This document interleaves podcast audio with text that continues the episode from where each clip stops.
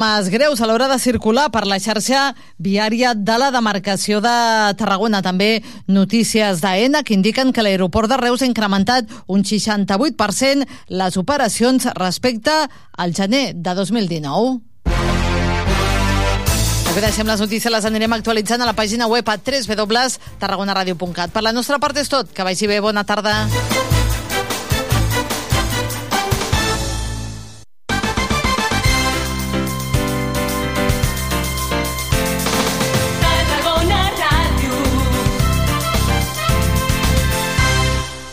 De Costa, la Rambla de la Cultura a la vora del mar.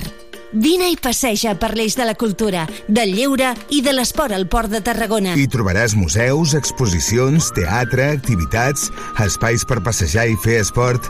Completa la teva visita amb un tas de la gastronomia marinera del Serrallo. Més informació a porttarragona.cat. Mm. Ei, hola! Com va? Mm. Hola! Que no em sents? Ai, hola! No pots parar ni per saludar o què? Com vols que pari? Són els pastissos de Caljan Pastisseria. Caljan? Caljan. Encara no els has provat? Mm. Els pots trobar al Mercat Central de Tarragona o al carrer d'Antoni Roig, número 66 de Torredembarra. Jo de tu hi aniria pitant. Mm. Caljan Pastisseria. I ara segueix-nos també a Instagram i a Facebook.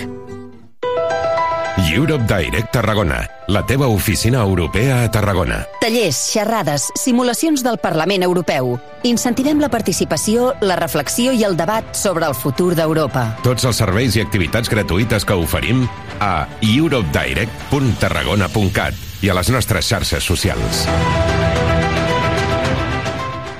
Viu tota l'emoció de l'esport a la Liga 29 a PortAventura World. Un esports bar de nova generació que fusiona gastronomia, esport i tecnologia on podràs compartir l'emoció de les millors competicions esportives. Obert tot l'any. No cal tenir l'entrada als parcs per accedir-hi. Informació i reserves a portaventuraworld.com Port Tarragona, motor econòmic de Catalunya. Node logístic estratègic de la Mediterrània. Porta oberta per ferrocarril a Europa i a la península Ibèrica. I espai d'oportunitats industrials i logístiques. Més informació a porttarragona.cat. Ja saps què són els fons Next Generation? Són paquets econòmics europeus per a la recuperació de la crisi de la Covid-19 dels estats membres i serveixen per finançar projectes de transició ecològica i digital, creixement sostenible, resiliència econòmica, cohesió social i territorial. En vols saber més? Informa't a europedirect.tarragona.cat i a les nostres xarxes socials. Europe Direct Tarragona, perquè som Europa. Port Tarragona ha fet seus els objectius per al desenvolupament sostenible de Nacions Unides. El Pla de Sostenibilitat del Port desplega els 17 ODS amb més de 80 accions per protegir el nostre entorn natural amb l'objectiu de reduir en un 99% les emissions de CO2 de l'autoritat portuària al 2030. Port Tarragona. Port sostenible. Més informació a porttarragona.cat.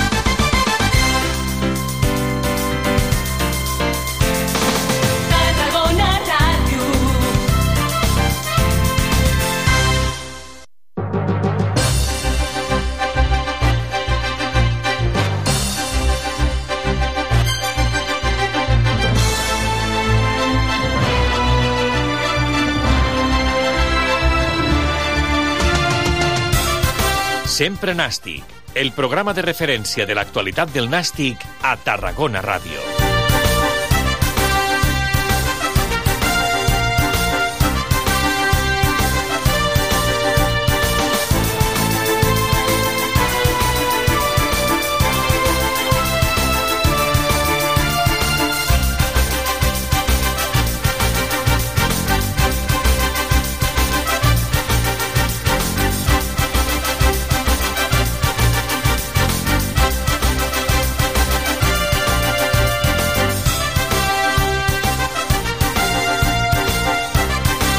Hola, què tal? Bona tarda, com esteu? Benvinguts a una nova edició del Sempre Nàstic en aquesta trentena temporada dels partits del Nàstic a l'antena de Tarragona Ràdio. Avui fem l'edició número 7199 del Sempre Nàstic, corresponent a aquest dilluns 13 de febrer de 2023, Dia Mundial de la Ràdio. Felicitats a tots aquells que escolteu la ràdio, que us agrada la ràdio i que compartiu la vostra vida també amb la ràdio. Un dilluns que hem de parlar d'un nàstic, que habitualment sona per la ràdio, per aquesta i per d'altres, un nàstic apàtic el passat eh, dissabte a Múrcia, que veu com no surt de la mala ratxa de resultats.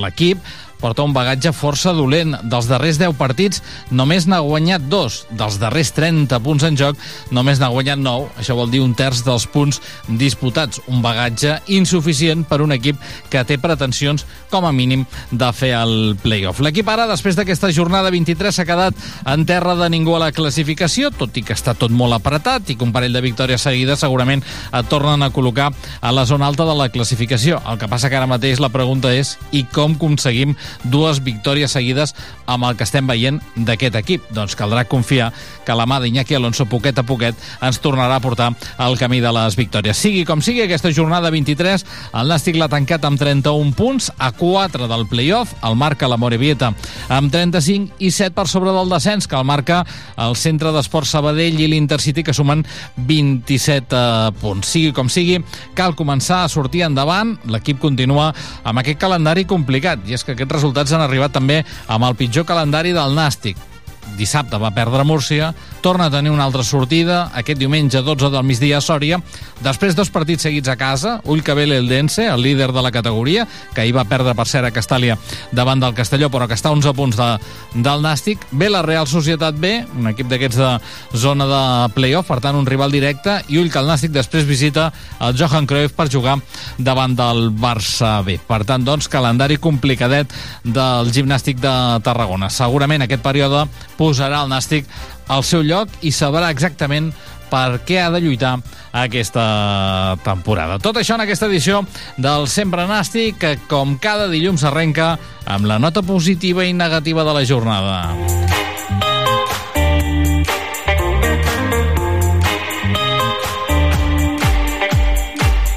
Sempre Nàstic. El semàfor. I comencem amb la nota positiva. Bé, la nota positiva per buscar alguna cosa. Hem repassat el partit, hi ha molt poquetes coses positives a destacar. Una d'elles és la tornada de Manu García a la porteria, no perquè Dani Parra ho fes malament, sinó que Manu García, eh, una de les més complicades que va tenir, la va acabar traient amb el peu, però tot i això, segurament l'equip ha de donar una miqueta més del que està donant en aquestes alçades de temporada. Un Manu García que lamentava les dues errades que els van costar els gols. A més a més, els dos gols van venir a la sortida de dos serveis de cantonada, una provocant un penal que va acabar en gol i l'altra una badada general d'un jugador que lliure de marcatge dins l'àrea va acabar posant la pilota al fons de la xarxa. Escoltem el porter de Pedrera. El diagnóstico es claro, ¿no? Yo creo que hemos regalado Iniciamos bien, con, tirando buenas presiones, el equipo, ellos no se sentían cómodos y bueno, pues dos errores pues nos han costado el partido. Eh, Después apenas ha habido nada, eh, lo hemos intentado en la segunda parte, intentando sobre todo por, por nuestra banda derecha y no hemos, no hemos sido capaces de, de meter gol y, nada, eh, los errores te condenan, eh, sobre todo en la segunda vuelta cuando todos empiezan a jugar ser todo por el todo y yo creo que ese es el análisis, lo has descrito perfectamente, que cualquier error es determinante y sobre todo hoy a, a partir de esos, dos, de esos dos goles pues ya creo que, que no hemos sabido recomponernos, lo hemos intentado, pero ha sido determinante esas dos acciones. I el semàfor ver, vermell, el negatiu de la jornada, tot i que li posa veu Iñaki Alonso, no va per Iñaki Alonso, que també va per Iñaki Alonso i per tota la plantilla de, del Nàstic, perquè l'equip continua amb aquest estat apàtic. Després de la marxa de Raúl Agnès sembla que l'equip no acabi de reaccionar. A més a més, Iñaki Alonso intenta buscar la tecla ideal, no l'acaba de trobar perquè va començar amb un 4-4-2 en rom, va passar amb un 4-4-2 sense rom, amb el 4-2-3-1 i aquest dissabte ens va sorprendre amb el 4-3-3, tot i que en el partit va començar amb un 4-3-3, va acabar amb un, va passar pel 4-4-2 i vam acabar amb un 2-3-1. Per tant, és allò de fer un ball de números i de xifres que no ens acabem d'aclarir, que segurament ell tampoc no s'acaba d'aclarir perquè no està trobant la tecla perquè el Nàstic surti guanyador. El diagnóstico es claro, ¿no? Yo creo que hemos regalado nosotros el partido, sobre todo en la primera parte, en dos acciones en las que bueno pues el equipo no, no ha estado contundente, no ha estado acertado y, y prácticamente es que el Real Murcia no ha hecho nada más en todo el partido hemos tratado de reaccionar. Hay que decir que el equipo, la verdad que no, pues nunca, nunca ha agachado la cabeza y nunca ha bajado los brazos, lo ha intentado hasta el final. Y sí que es verdad que bueno, que por momentos mmm, nos ha faltado pues esa, esa, ese mordiente, ¿no? El ser todavía, joder, pues en el área un poquito más, más asesinos, porque balones han pasado, porque hemos tenido alguna situación, luego en segunda parte, pues esa, esa parada del portero que sabíamos que haciendo un gol nos metíamos en el partido seguro y nos ha faltado mucha contundencia en nuestro balón parado también ofensivo. Hemos tenido muchas situaciones de balón parado que no, que no hemos sacado rédito y es algo bueno, pues que, que en esta categoría tienes que mejorar. Doncs aquest era Iñaki Alonso amb el semàfor el positiu i el negatiu del cap de setmana en aquesta edició del Sempre que realitza tècnicament en Lluís Comas amb tota la redacció d'Esports de Tarragona Ràdio us parla Jordi Blanc. 4 minuts, un quart de 3 de la tarda, pausa per la publicitat. De seguida saludem els convidats avui a la tertúlia del Sempre Nàstic.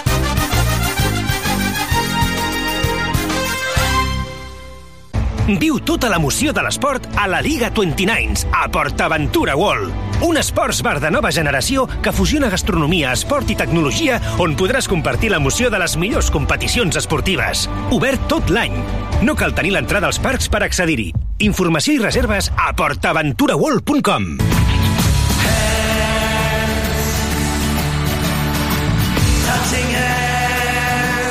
Sempre Nasti. El regús de la jornada a Tarragona Ràdio.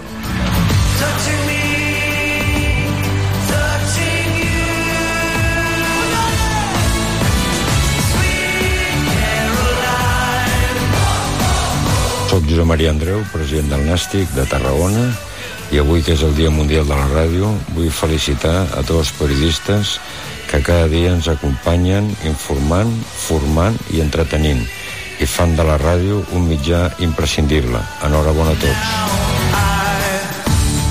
Agrair-li al president del Nàstic la felicitació per uh, aquest Dia Mundial de la Ràdio. Com dèiem abans, eh, felicitats a tots perquè la ràdio no només és dels uh, que la fem, sinó de també tots aquells que la gaudiu i que la compartiu dia, dia a dia. Avui per parlar de l'actualitat del Nàstic, no de la ràdio, bé, si volen també podem parlar de la ràdio, no? però uh, estan aquí per parlar de l'actualitat del Nàstic hem convidat el Gabriel Sabater. Gavi, què tal? Bona tarda. Hola, bona tarda. I el Juli Esporrin. Juli, bona tarda. Bona tarda, felicito a la, solidàriament a la felicitació de les dels que treballeu, professionals que treballeu en aquest sector. Bé, vosaltres que som també. tan imprescindibles. No, i vosaltres també, eh? Ah, nosaltres som... Home, no, no, a veure, a veure quantes tertúlies portes, a, quantes tertúlies portes a Tarragona Ràdio? Pues no ho sé.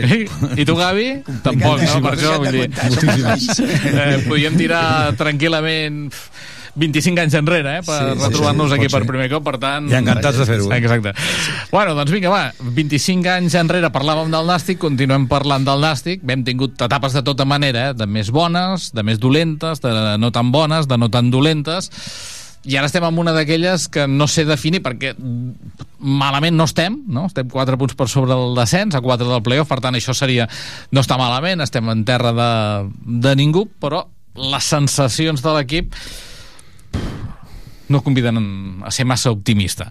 Eh, vinga, va, d'entrada, Gavi, què et va semblar el partit a Múrcia? Bueno, el partit de, de Múrcia, la veritat és que... uf, Aquest, a, a, avui és un dia difícil... és que malament, ja, eh? És un dia difícil de, de, de què dir, no? Vull dir, va ser una primera part molt, molt, molt, molt dolenta, jo diria que de les pitjors que, que he vist, i al final és que sempre se't queda una mica amb cara de tonto, no? Perquè dius, eh, jo estic d'acord amb l'entrenador, vull dir, el Murcia no va fer res, més que et va ficar dos gols. M'assembla de pati de col·legi el penalti, mm, no tant per l'acció que també, que un jugador propi a l'àrea pròpia ha d'estar molt més atent, sinó pel desgavell que va ser el, la defensa de- de- d'aquest córner. Vull dir, semblava una defensa de, bueno, seria de quart de primària o alguna cosa així. No? És, que- és, que ja tenim un any, uns anys ara de GB. Deixa bé, deixa bé, eh? no?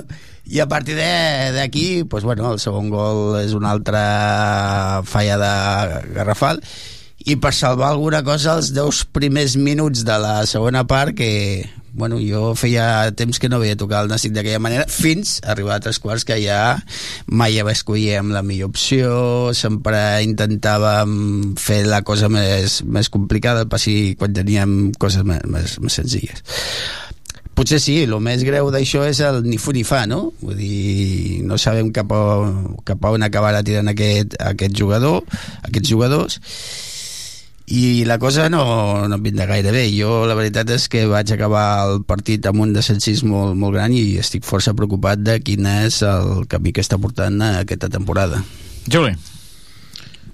Sí, sí, ho has dit quasi tot. Eh, coincideix... Bueno, amb aquest entrenador, eh, una de les coses que li agraeixo molt és que, que veu partits molt semblants al meu, no?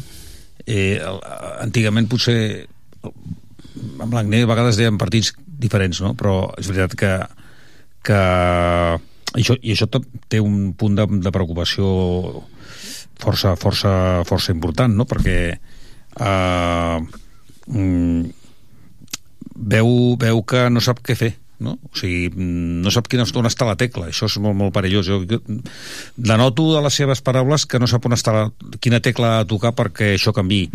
Uh, és cert, ens va guanyar un equip que, que, que va treure, no sé si 4 o 5 corners, sense voler, pràcticament, uh, sense capacitat de reacció, perquè bueno, et fan un penalti molt d'hora, fas un penalti molt d'hora absurd, però, però tens molts minuts, no? però molts minuts per demostrar alguna cosa Tenies gairebé 80 Molts... minuts, eh, per davant. Mm, ah, no sé si vam, vaig comptar que vam tirar 13 corners. Sí. Ells ne tiren dos i ens fan dos gols.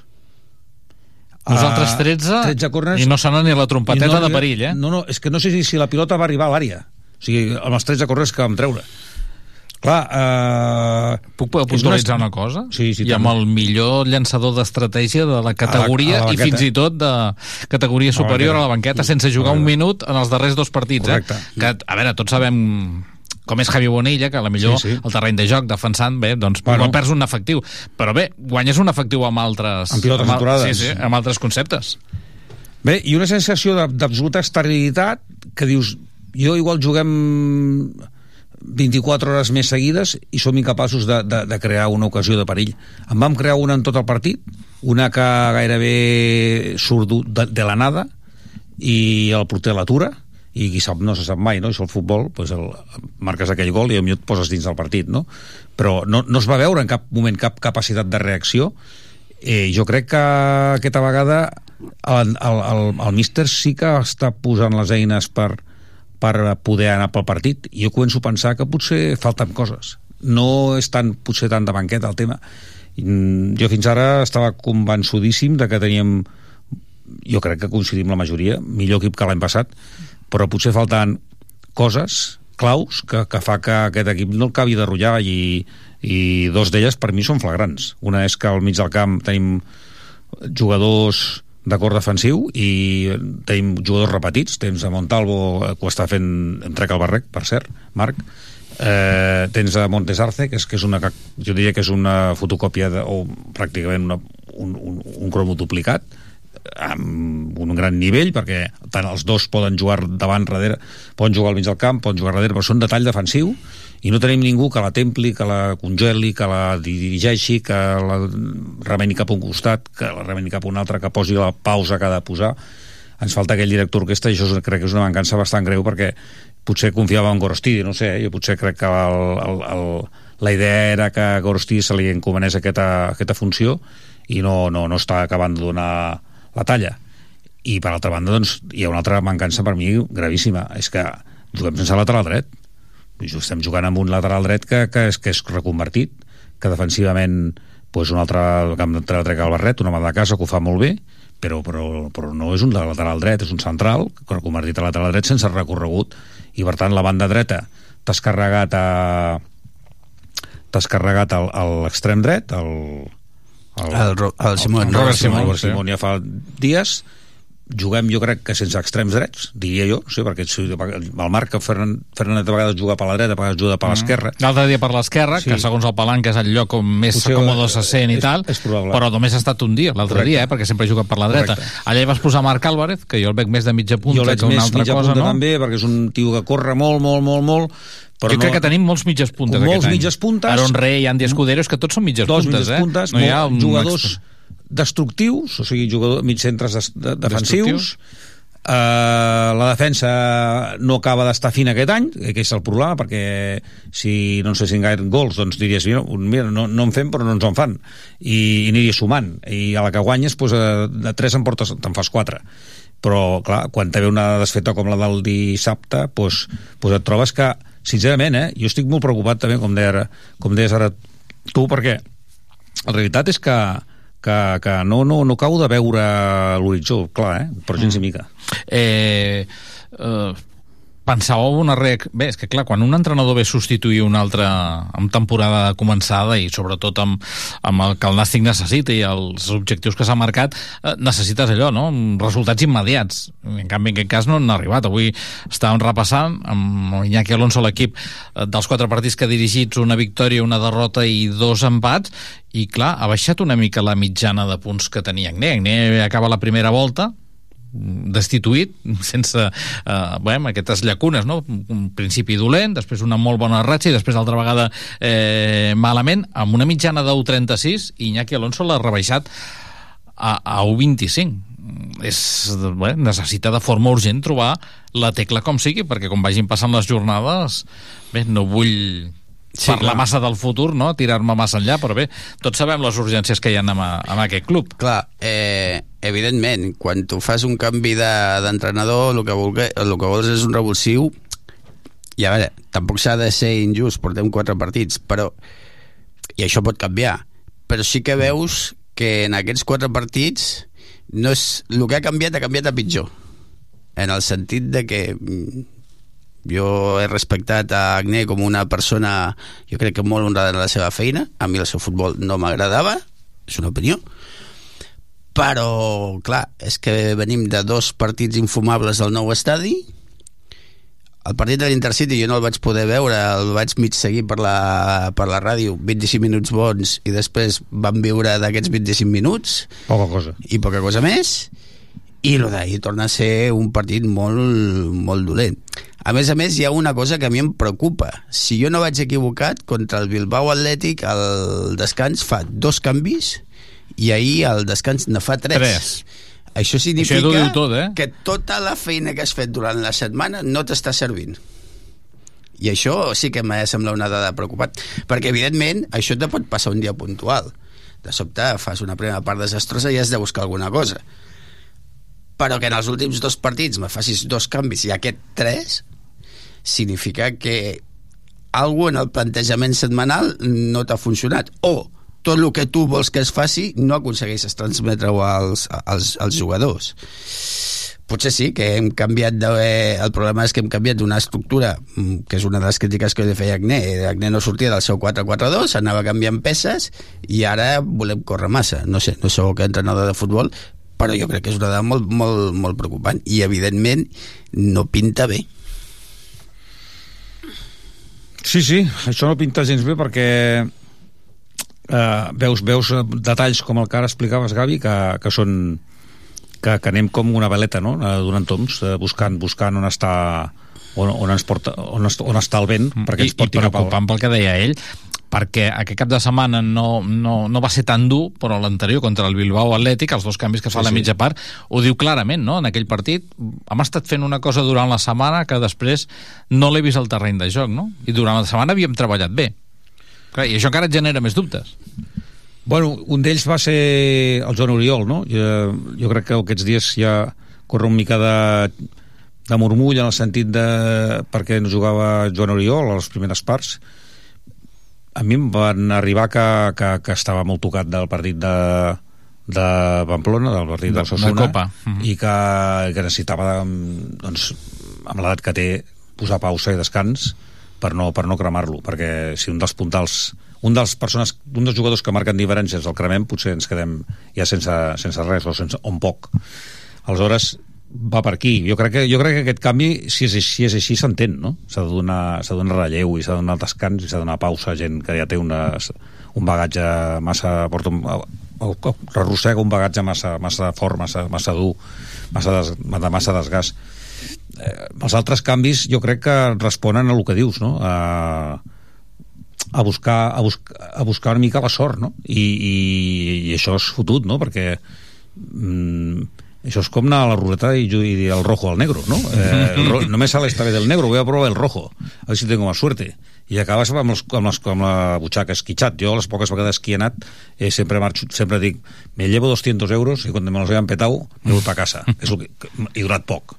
La veritat és aquesta, no? I llavors, doncs, eh, aquest és una mica la, la, que estem buscant la flor, la fortuna, el, no sé, el, el, el trobar algo diferent a el que feia Acné i, i no, ho de, no toquem de trobar aquesta tecla i, i jo estic molt preocupat perquè, perquè no sé, amb Agné tampoc estan de la meva devoció en els plantejos de futbolístics eh, bueno, sabies que un dia sortia d'una manera, l'altre sortia d'una altra, però anava sumant. Però, però, però et donava la impressió que la plantilla estava endolladíssima. Estava més endollada ah, sí. Fora de casa, sí, sí, sí. El partit, a veure, el partit que vam veure a Múrcia, l'any passat en van veure molts, eh? Vull dir, sí, no ens equivoquem, sí, sí, Linares, Sant Fernando, a més, quasi tots Andalusia. Linares, Sant sí, Fernando, sí, sí, sí. la línia de la Concepción, Algeciras... Sí, sí. O sigui, en molts camps que vam, que vam acabar sortint, sortint escaldats però després a casa, clar, tu ara compares els partits d'Agné, tot i aquest any que no li han anat bé, tu compares els partits d'aquest sí, any sí, d'Agné, sí, sí. i ja no et dic els de l'any passat, eh, que, que els guanyàvem tots pràcticament, amb els dos que hem vist, amb Iñaki Alonso a la banqueta.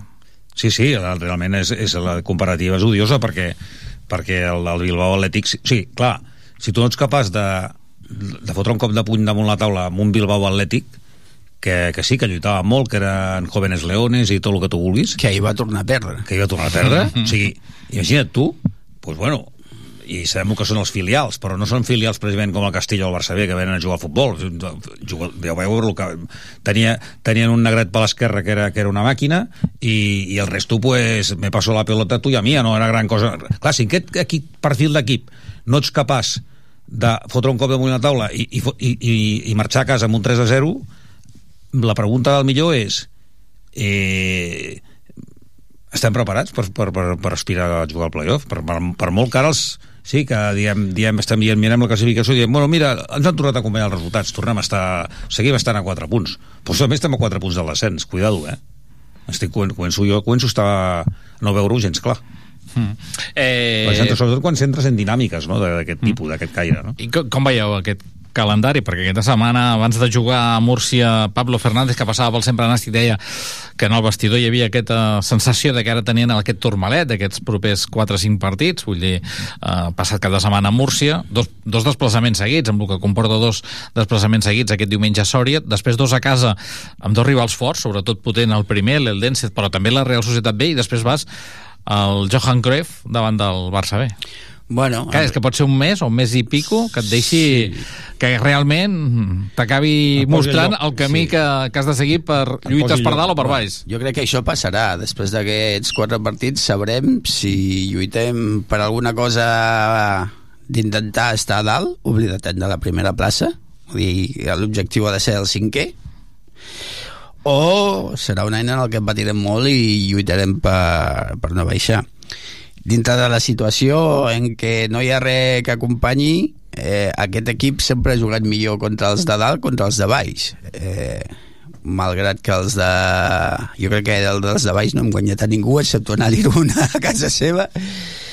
I, i això ens pot beneficiar una mica. A, a més a més és important intentar treure els millors resultats possibles no només per tres punts, que també, sinó perquè de moment ja tens perdut el gol de Baralls amb el Múrcia, que això no, no s'ha parlat i jo crec que era prou important, mm. almenys intentar marcar un gol per intentar igualar el gol de Baralls, que també l'has perdut. És a, és a dir, la quarta plaça no és que la tinguis a 6 punts, la tens a 7 ja. Per això deia que l'únic important és estar a 5 punts. I llavors, eh, pues, eh, serà un mes clau intentar treure els millors resultats possibles sobretot el Dense Real Societat B que són dos equips que sembla que estaran a dalt sí o sí i tenint en compte lo igualat que està tot, al final igual te fiques només per, per gol a baraix i me sembla que tornem a tenir un any en què la majoria dels gols a baraix importants els tenim perduts. Ens ho juguem tot el un mes, tinc clar. Jo crec que aquest mes, eh, eh, si no som capaços de fer dels quatre propers partits un mínim de 8-9 punts, veig molt difícil que el nostre horitzó eh, sigui, sigui, sigui assumible, sigui assequible. Sí, sí, matemàticament igual ho mires i dius, mira, seguim estant a 6 o a 5, el que vulguis, però, mm, però... però no, ho veus, cada, veus la pastanaga cada vegada més lluny. Clar. I, i, i el temps s'acaba, i el temps porta precipitació, i, i tornar a fer un 4 de 4 com van fer l'any passat, no ho veig, sincerament no ho veig. L'any passat eh, ve una cosa...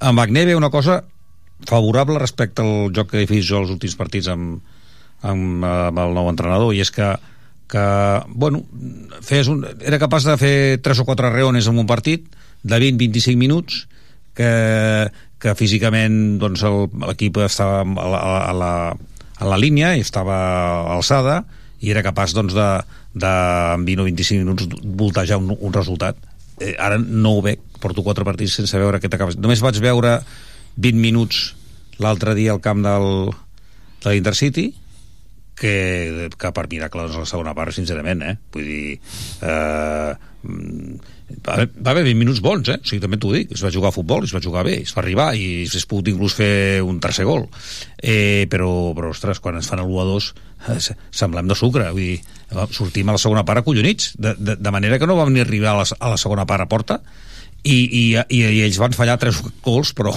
bueno, és més fàcil sí, sí, sí. fer els que fallar els, és dir que sí, sí. Un City que està allí lluitant per no... Aquell dia Chani semblava que fos sí, sí, sí. nàstic, eh? Home, semblava, sem, sem, semblava Haaland, vull sí, sí. dir, una cosa... Sí, sí. I ells sí, sí. ens van crear molt perill, a pilota molt. aturada, sí, principalment sí. portada per un tarragoní, Guillem mm. Jaime, Exacte. i després va ser quan va sortir un sué, que també fa 20 anys sí. ja parlàvem d'ell al Castelló quan Exacte. era molt jovenet, que encara seguia portant una mica sí, sí, sí, els tempos sí. del joc sí, sí, eh, de, de, de l'Intercity. Dos quarts i un minut de 3 de la tarda, fem una mínima pausa, de seguida tornem.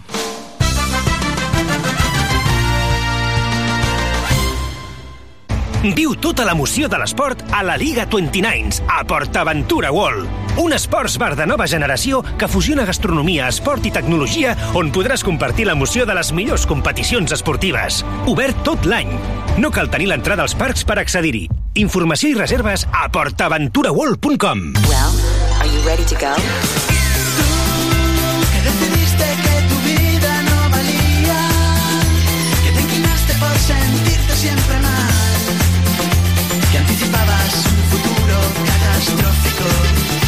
Doncs vinga, continuem endavant en aquesta edició del Sempre Nàstic amb el Gabriel Sabater i el Juli Esporrin. Eh, ja que us tinc aquí, com veieu una mica la, la categoria futbolísticament parlant, amb el Dense i Castelló, que pràcticament, després de la victòria ahir del Castelló davant de l'Eldense, hem donat aquest passet endavant, i bé, no, no, a veure, és molt atrevit dir que, do, que tots dos lluitaran per la primera plaça, però semblen allà, allò ben col·locats, i després us pregunto una mica sobre la categoria en general, aquests mails que hi ha en direcció federació, federació eh, cap als clubs, una mica com veieu tot plegat, una categoria que fa un any i mig no? ens la van vendre com la panacea del futbol semiprofessional, per dir-ho d'alguna manera, i que està a punt d'acabar com el Rosari de l'Aurora.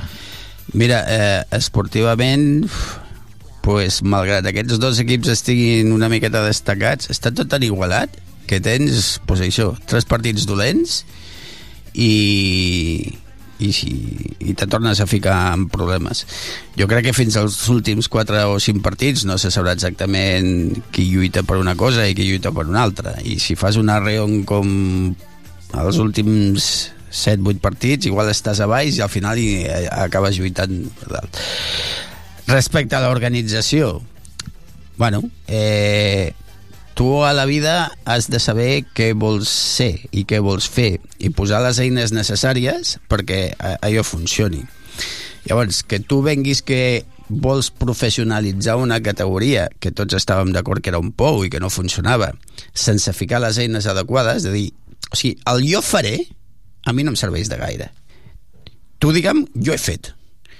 i tinc aquest patrocinador i tinc aquestes condicions i si voleu ser eh, apropar-vos al futbol professional el que heu de seguir és dintre de les limitacions que estem a la tercera categoria del futbol apropar-te a les obligacions que tenen els, els clubs professionals. Per què? Perquè si no passa el que està passant equips que toquen jugadors però, però que a més és que fa 40 anys que el futbol espanyol està passant. Equips que prometen als jugadors uns sous bestials que al final suposo que d'alguna manera acabaran cobrant però que no els paga el club. Gestions econòmiques dubtoses. No jugues en la mateixes, amb, la, amb les mateixes regles. Una manca de professionalitat molt greu en el tema de l'arbitratge no crec que sigui un cost tan gran ficar una espècie de, de bar, encara que sigui més, més senzill. Vull dir, avui en dia la tecnologia t'ho permet. Vull dir, hi ha un munt de coses que si tu vols ser la categoria, diguem-ne, preprofessional, les has de tenir lligades en quan crees la categoria. Què passa? Els costos s'han disparat. No és el mateix quan tenies els quatre grups de segona B, que els desplaçaments eren relativament a prop, inclús molts dies marxaves i tornaves el mateix dia del partit, ara tens desplaçaments molt, molt, molt més grans, suposo que els gastos federatius són més grans, però els ingressos en cap moment eh, estan d'acord amb aquestes despeses. I després també tu has de pensar, de dir, amb la quantitat d'oferta esportiva, qui vol, qui veu una categoria a banda de la pèssima realització que té l'Inesports, no? Però bueno, suposem que tenim una empresa audiovisual que ens dona una realització prou digna. Vull dir, has de fer un estudi de mercat de realment quin eh, percentatge de gent et veurà aquests partits, perquè és que avui en dia tens futbol aproximadament tots els dies, i és una realitat que s'ha de veure. Qui veiem els partits? Doncs nosaltres, perquè som malalts del nàstic. I acabem veient partits desastrosos en quant a la realització d'una manera molt dolenta. Llavors, al començament va ser dolent perquè això es va dir que es faria i no es tenia lligat. Juli. Ho has dit tot. Eh? Uh, el senyor Rubiales no va crear, va crear un... va voler vendre'ns un Ferrari amb un motor de 600 uh, sense, sense tenir res lligat, sense tenir res orquestat, sense tenir cap pla de, pla de, pla de, de negoci de viabilitat. cap de pla de viabilitat i sense uh, projectar res de res de res. És dir, eh, hem de canviar això mm, per fer una categoria més atractiva. La idea és bonica d'entrada i de sortida no tinc res. Eh, primer diu que les profe professionalitzarà i quan veu que que si diu que es professionalitza ha d'anar amb cuidado perquè Tebas li pot, eh, li pot prendre llavors passa enrere, no? s'aginya una mica i diu no, no, bueno eh, semiprofessional no? és, és, és el, el primer passo per a passar al professional no, home, no mm, si crees una categoria com les que has creat el que has de fer és traspassar-la a l'LFP que és l'únic que pot donar viabilitat econòmica a aquest projecte perquè no ens enganyem, qui veiem aquests partits som nosaltres vale? i som els aficionats de tots aquests clubs que n'hi ha clubs molt històricament importants que, que, que, que em consta que deuen tenir eh, bon Sí, home, tu, tu, tu ara poses un... Sí. Anem a posar un exemple. Eh, Ja no per no posar-nos al nàstic, eh? Però tu poses un Deportivo Córdoba a la televisió, Exacte, veuen- de primera ref, i i, té més audiència que un Ponferradina Ah, Huesca de sí, segona no divisió. No tinc cap mena de dubte. No en tinc cap de dubte. Per tant, eh, dins de lo que ha de ser el projecte en si, mm, si tu l'estudies bé, el pots fer sostenible, però sostenible des d'un punt de vista professional i, i amb garanties econòmiques. I aquestes només venen de, de fer un projecte sèrio. No s'ha fet un projecte sèrio, s'ha fet una punyetera xapussa que d'entrada tenia, tenia eh, bueno, tenia, es veien coses boniques d'entrada i, i, i, i s'hi veuen, es veu millor, crec que es veu millor futbol que el, que, que el Tedi que veiem a segona B, però, però xirria per tot arreu. I llavors està molt clar. Eh, això, sense recursos econòmics, si això només ho pot aportar a l'LFP, diguin el que diguin, i, digui, i s'em- s'empenyi amb el que s'empenyi eh, el, el senyor Rubiales, i, i, i després doncs, mm, doncs, doncs bé, se li, se, li, se li té que donar un tom des d'un punt de vista de, de professionalitat en, tot, en tots els aspectes. Això no ho té, no, té, no, és, no és una categoria professional. És una xapussa vi- sobrevinguda d'una categoria que no agradava, que no anava bé sense, ja dic, sense posar cap pauta de, de coherència. I això doncs, no, lògicament té, té els dies comptats per mi perquè, perquè si no som capaços de tirar això endavant doncs haurem de tornar a fer un pas enrere hi ha un tema molt important. El, el fair play financer on està? S'havia de crear un fair, play, un fair play a la partir de la segona temporada. Aquest fair play ha desaparegut, de la, ha, ha desaparegut del mapa. Mm. els clubs que fem les coses seriosament pues estem lluitant contra els clubs que tiren confeti i ja està, i si veu un tio que el, que, que, que, i que patrocina i que puja el club a dalt, pues, i si no si cau en picat i no pot cobrar ningú, pues no passa res. I tornem a fer totes les, co- les coses sense cap cervell de cap mena. Llavors, bé, eh, tant de bo que aquesta continu... Jo soc, jo soc un... Crec que aquesta categoria té que continuar, té que intentar-se salvar, però veritablement, de la forma que ho veus muntat es, es, es veu complicat, es veu difícil perquè, perquè si, si no es deix es demana la col·laboració, col·laboració de l'FP estem morts, no hi ha res a fer perquè són els únics que poden obtenir recursos. Exprimint la, des de la primera divisió poden obtenir recursos suficients sobrats per fer sostenible la categoria.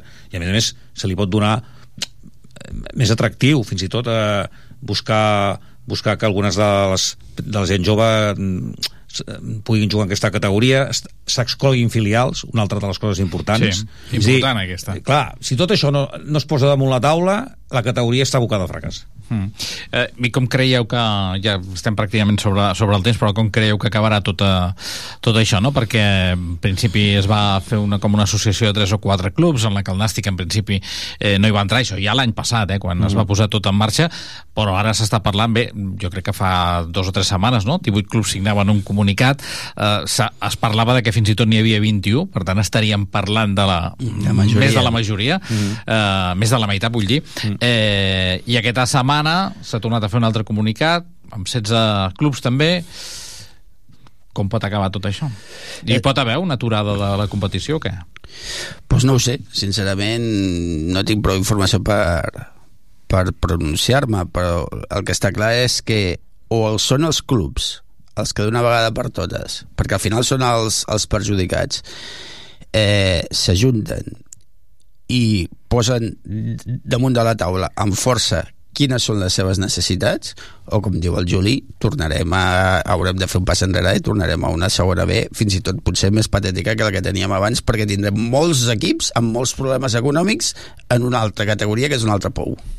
Sí, això la LFP ho va resoldre, al seu dia hi havia eh, uns bons econòmics importantíssims, es va resoldre, i, i, i l'únic que té capacitat i força per resoldre això és la, la, una, una, una LFP, no pot resoldre la, la, la federació. Bueno, no ho sé, eh, si amb aquests, amb, aquests uh, sortir, amb aquestes copes que, que juguem per l'Aràbia igual, Mm. igual, Mm, igual ja que tenim, bé, eh? tenim recursos Igual si li demanem al Geri ens- Eh, ens el Geri, el, de- donem, tenim algun però bé, bromes a part, està clar que això no és sostenible i des de l'única manera que es pot fer sostenible Mm. és des d'una professionalització absoluta de dalt a baix i això passa doncs, perquè els dirigents pleguin i, deixin, i, i, i, i soltin aquesta categoria Bueno, veurem què passa, veurem què passa, estarem atents a tot això, és un altre camí que, que, que ja ha obert que, bé, que té poc a veure amb la- amb, amb l'actualitat esportiva del dia a dia, però que hem d'estar pendents perquè afecta i molt a la categoria i lògicament el Nàstic en forma part d'aquesta d'aquesta categoria. Júlia Esporrin, Gavi Sabater, que ha estat un ple compartir amb vosaltres aquest dia mundial de la ràdio, aquesta tertúlia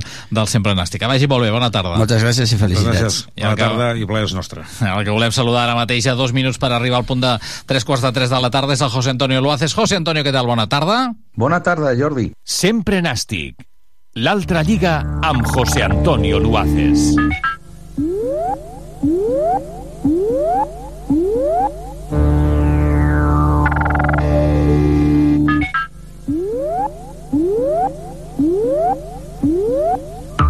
José Antonio, quina valoració en fas d'aquesta derrota del Nàstic aquest eh, passat eh, dissabte a Múrcia i quina és la situació ara mateix de l'equip després d'aquesta 23a jornada? Bueno, pues que el equipo sigue con las mismas deficiencias estructurales que le hacen ser un equipo mediocre y sin capacidad de reacción cuando se le pone el marcador en contra, bien sea por acierto del rival o por errores propios como fue el caso de ayer.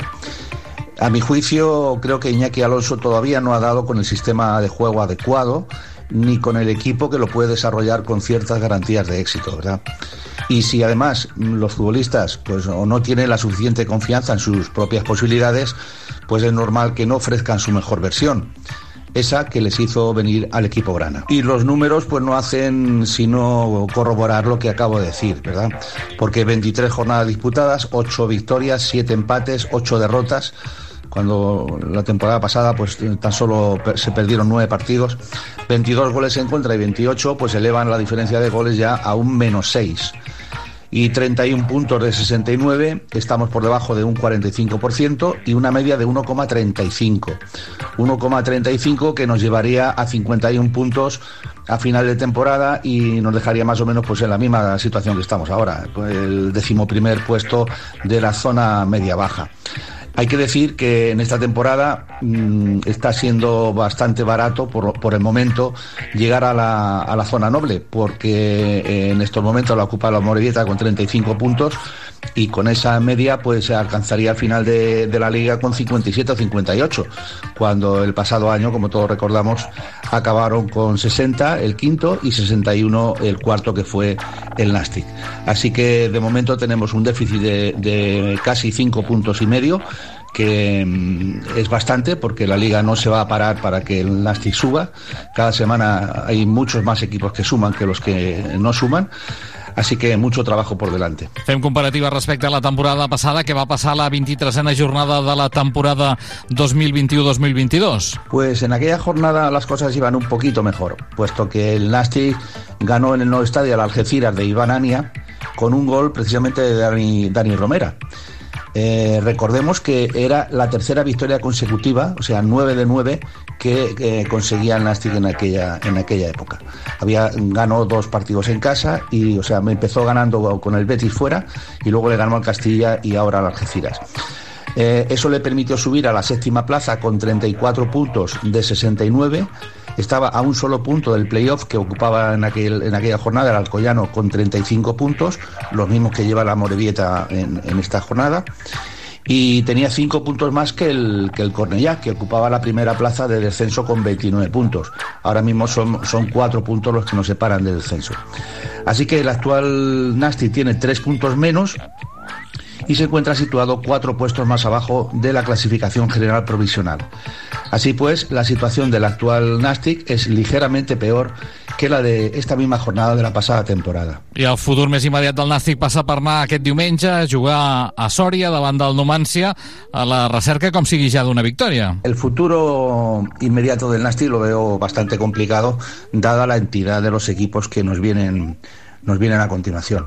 Pero bueno, empezado, empezaremos el próximo domingo en, en, el campo de los pajaritos ante el Numancia, que esta eh, jornada vigésimo tercera le ganó al eh, Central Sports Sabadell por 0 a 1 y una victoria que le ha dejado en la décima posición con 31 puntos, por delante del Nastic porque lleva mejor golaveraje general.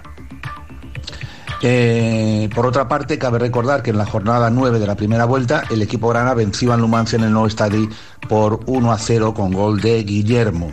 Así que eh, en este caso el golaveraje particular está, está en juego y ya vemos que en igualdad de, condiciones, pues el, de momento el Numancia está por delante.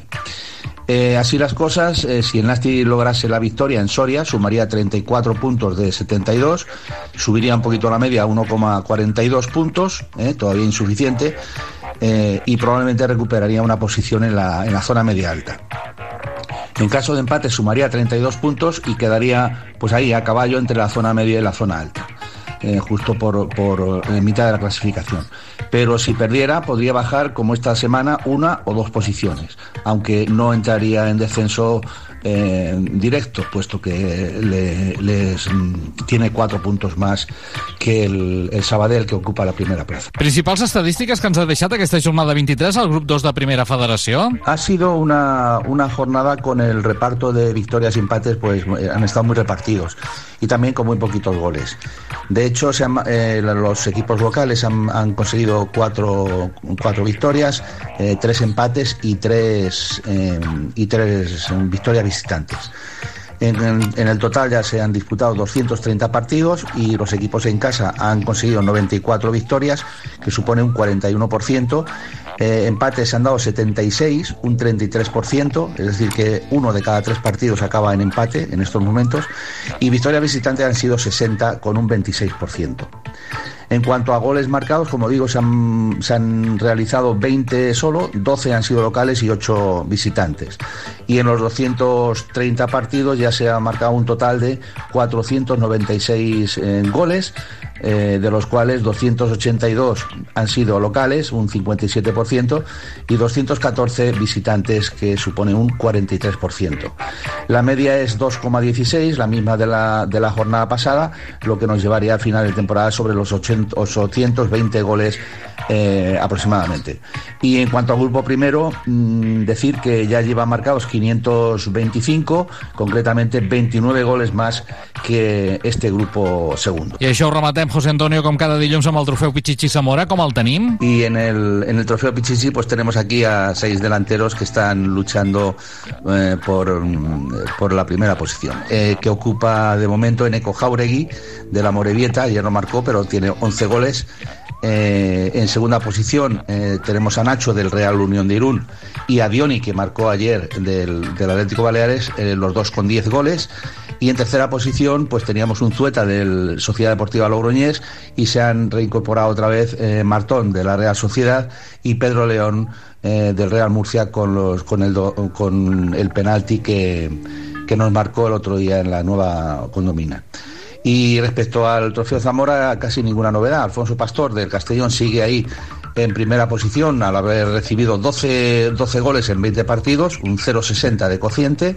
Vallejo, que esta vez el portero del Eldense, que ha jugado es uno de los tres que ha jugado todos los partidos, pues el Castellón en ese duelo en la cumbre le hizo, le hizo dos goles, con lo cual queda con 17 goles encajados en 23 partidos y un cociente de 0,74. Y en tercera posición el portero de la Real Sociedad, Unai Marrero, que tampoco, mm, tampoco encajó ningún gol y tiene 17, pero en 20, en 20 partidos y un cociente de 0 0,85. En cuanto a los jugadores del Nasti, ninguna novedad. Hay que decir que han sido hasta el momento 12 futbolistas los que han conseguido marcar al menos un gol, de 23 que han debutado esta temporada con la camiseta grana. En primera posición sí que Guillermo con cinco goles, aunque hace ya muchísimo tiempo que no tiene la suerte de ver, de ver eh, un gol. Y en segunda posición está Joan Oriol con tres goles. Y en tercera posición con dos goles, eh, cuatro futbolistas. Marc Fernández, Bonilla, que hace días que. y Robert Simón, que han desaparecido de, las alineaciones.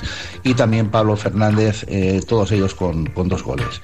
Y en cuanto a Manu García, pues decir que nos alegramos muchísimo que la lesión no fuera lo que se preveía y que haya podido volver a jugar otra vez 90 minutos. Lo lamentable es que volvió a encajar dos goles, que ya lleva 28 en, en 22 partidos. Digo 22 porque el, el otro partido no le cuenta efectos del trofeo Zamora porque no llegó a jugar los 60 minutos.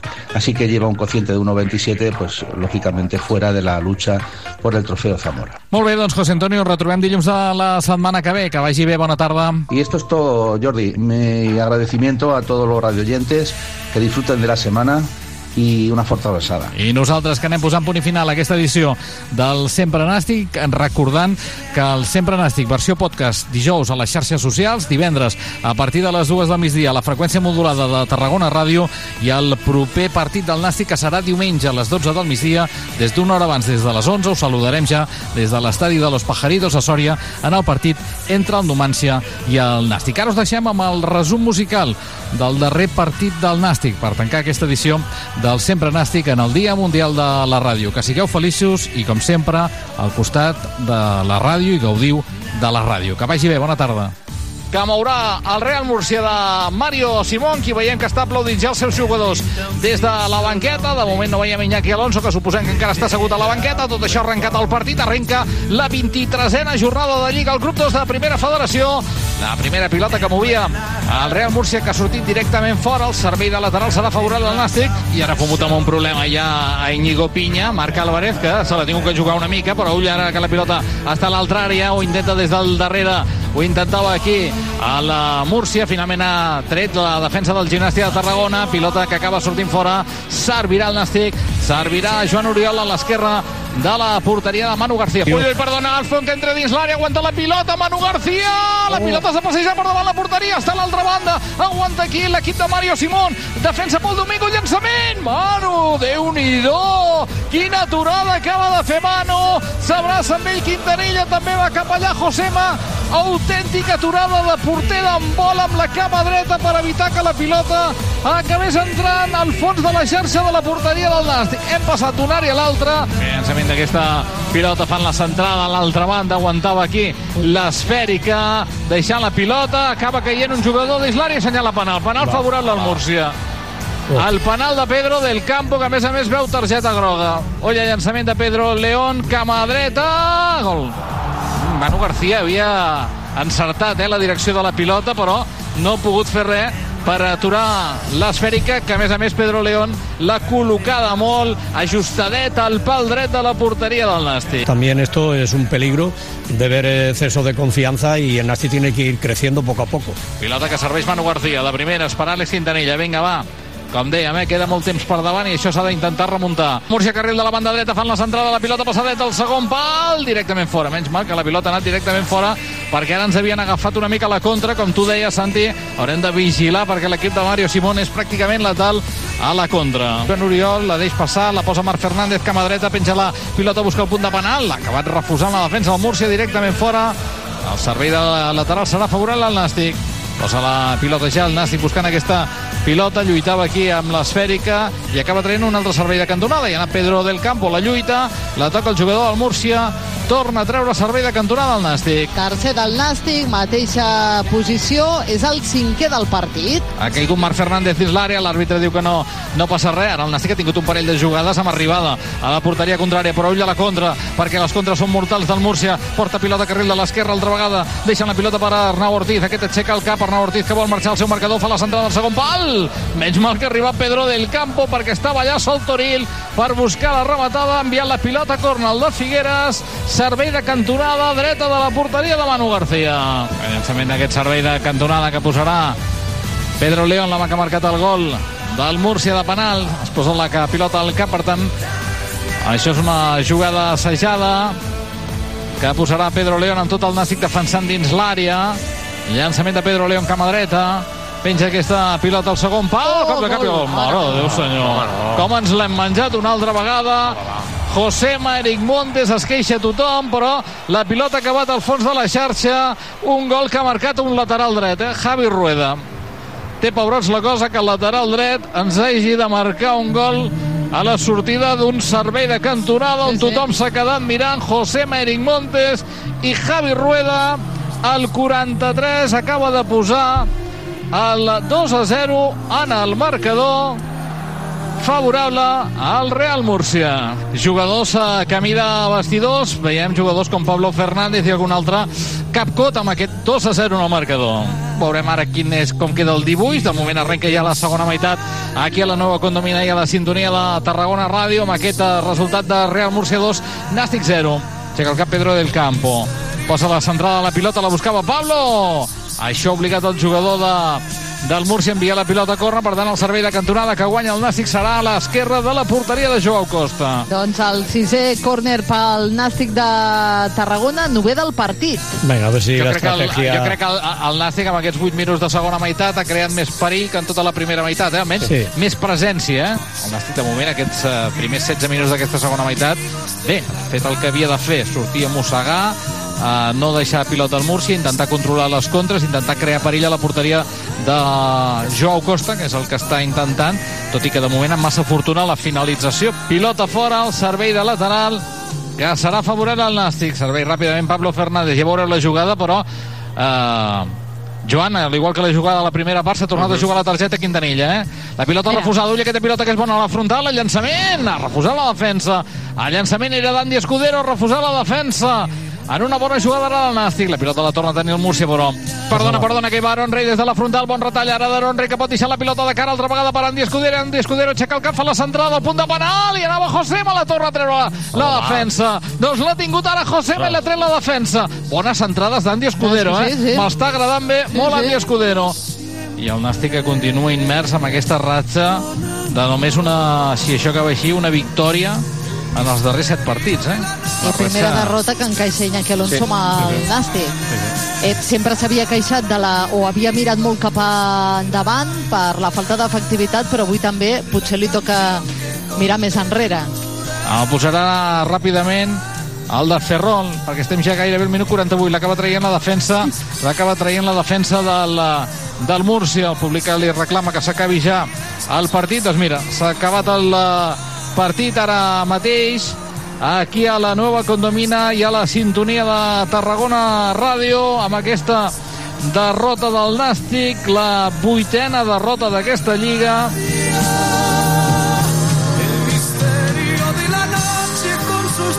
sus canciones harán que reviva tu esperanza. Sempre Nàstic. El regús de la jornada a Tarragona Ràdio.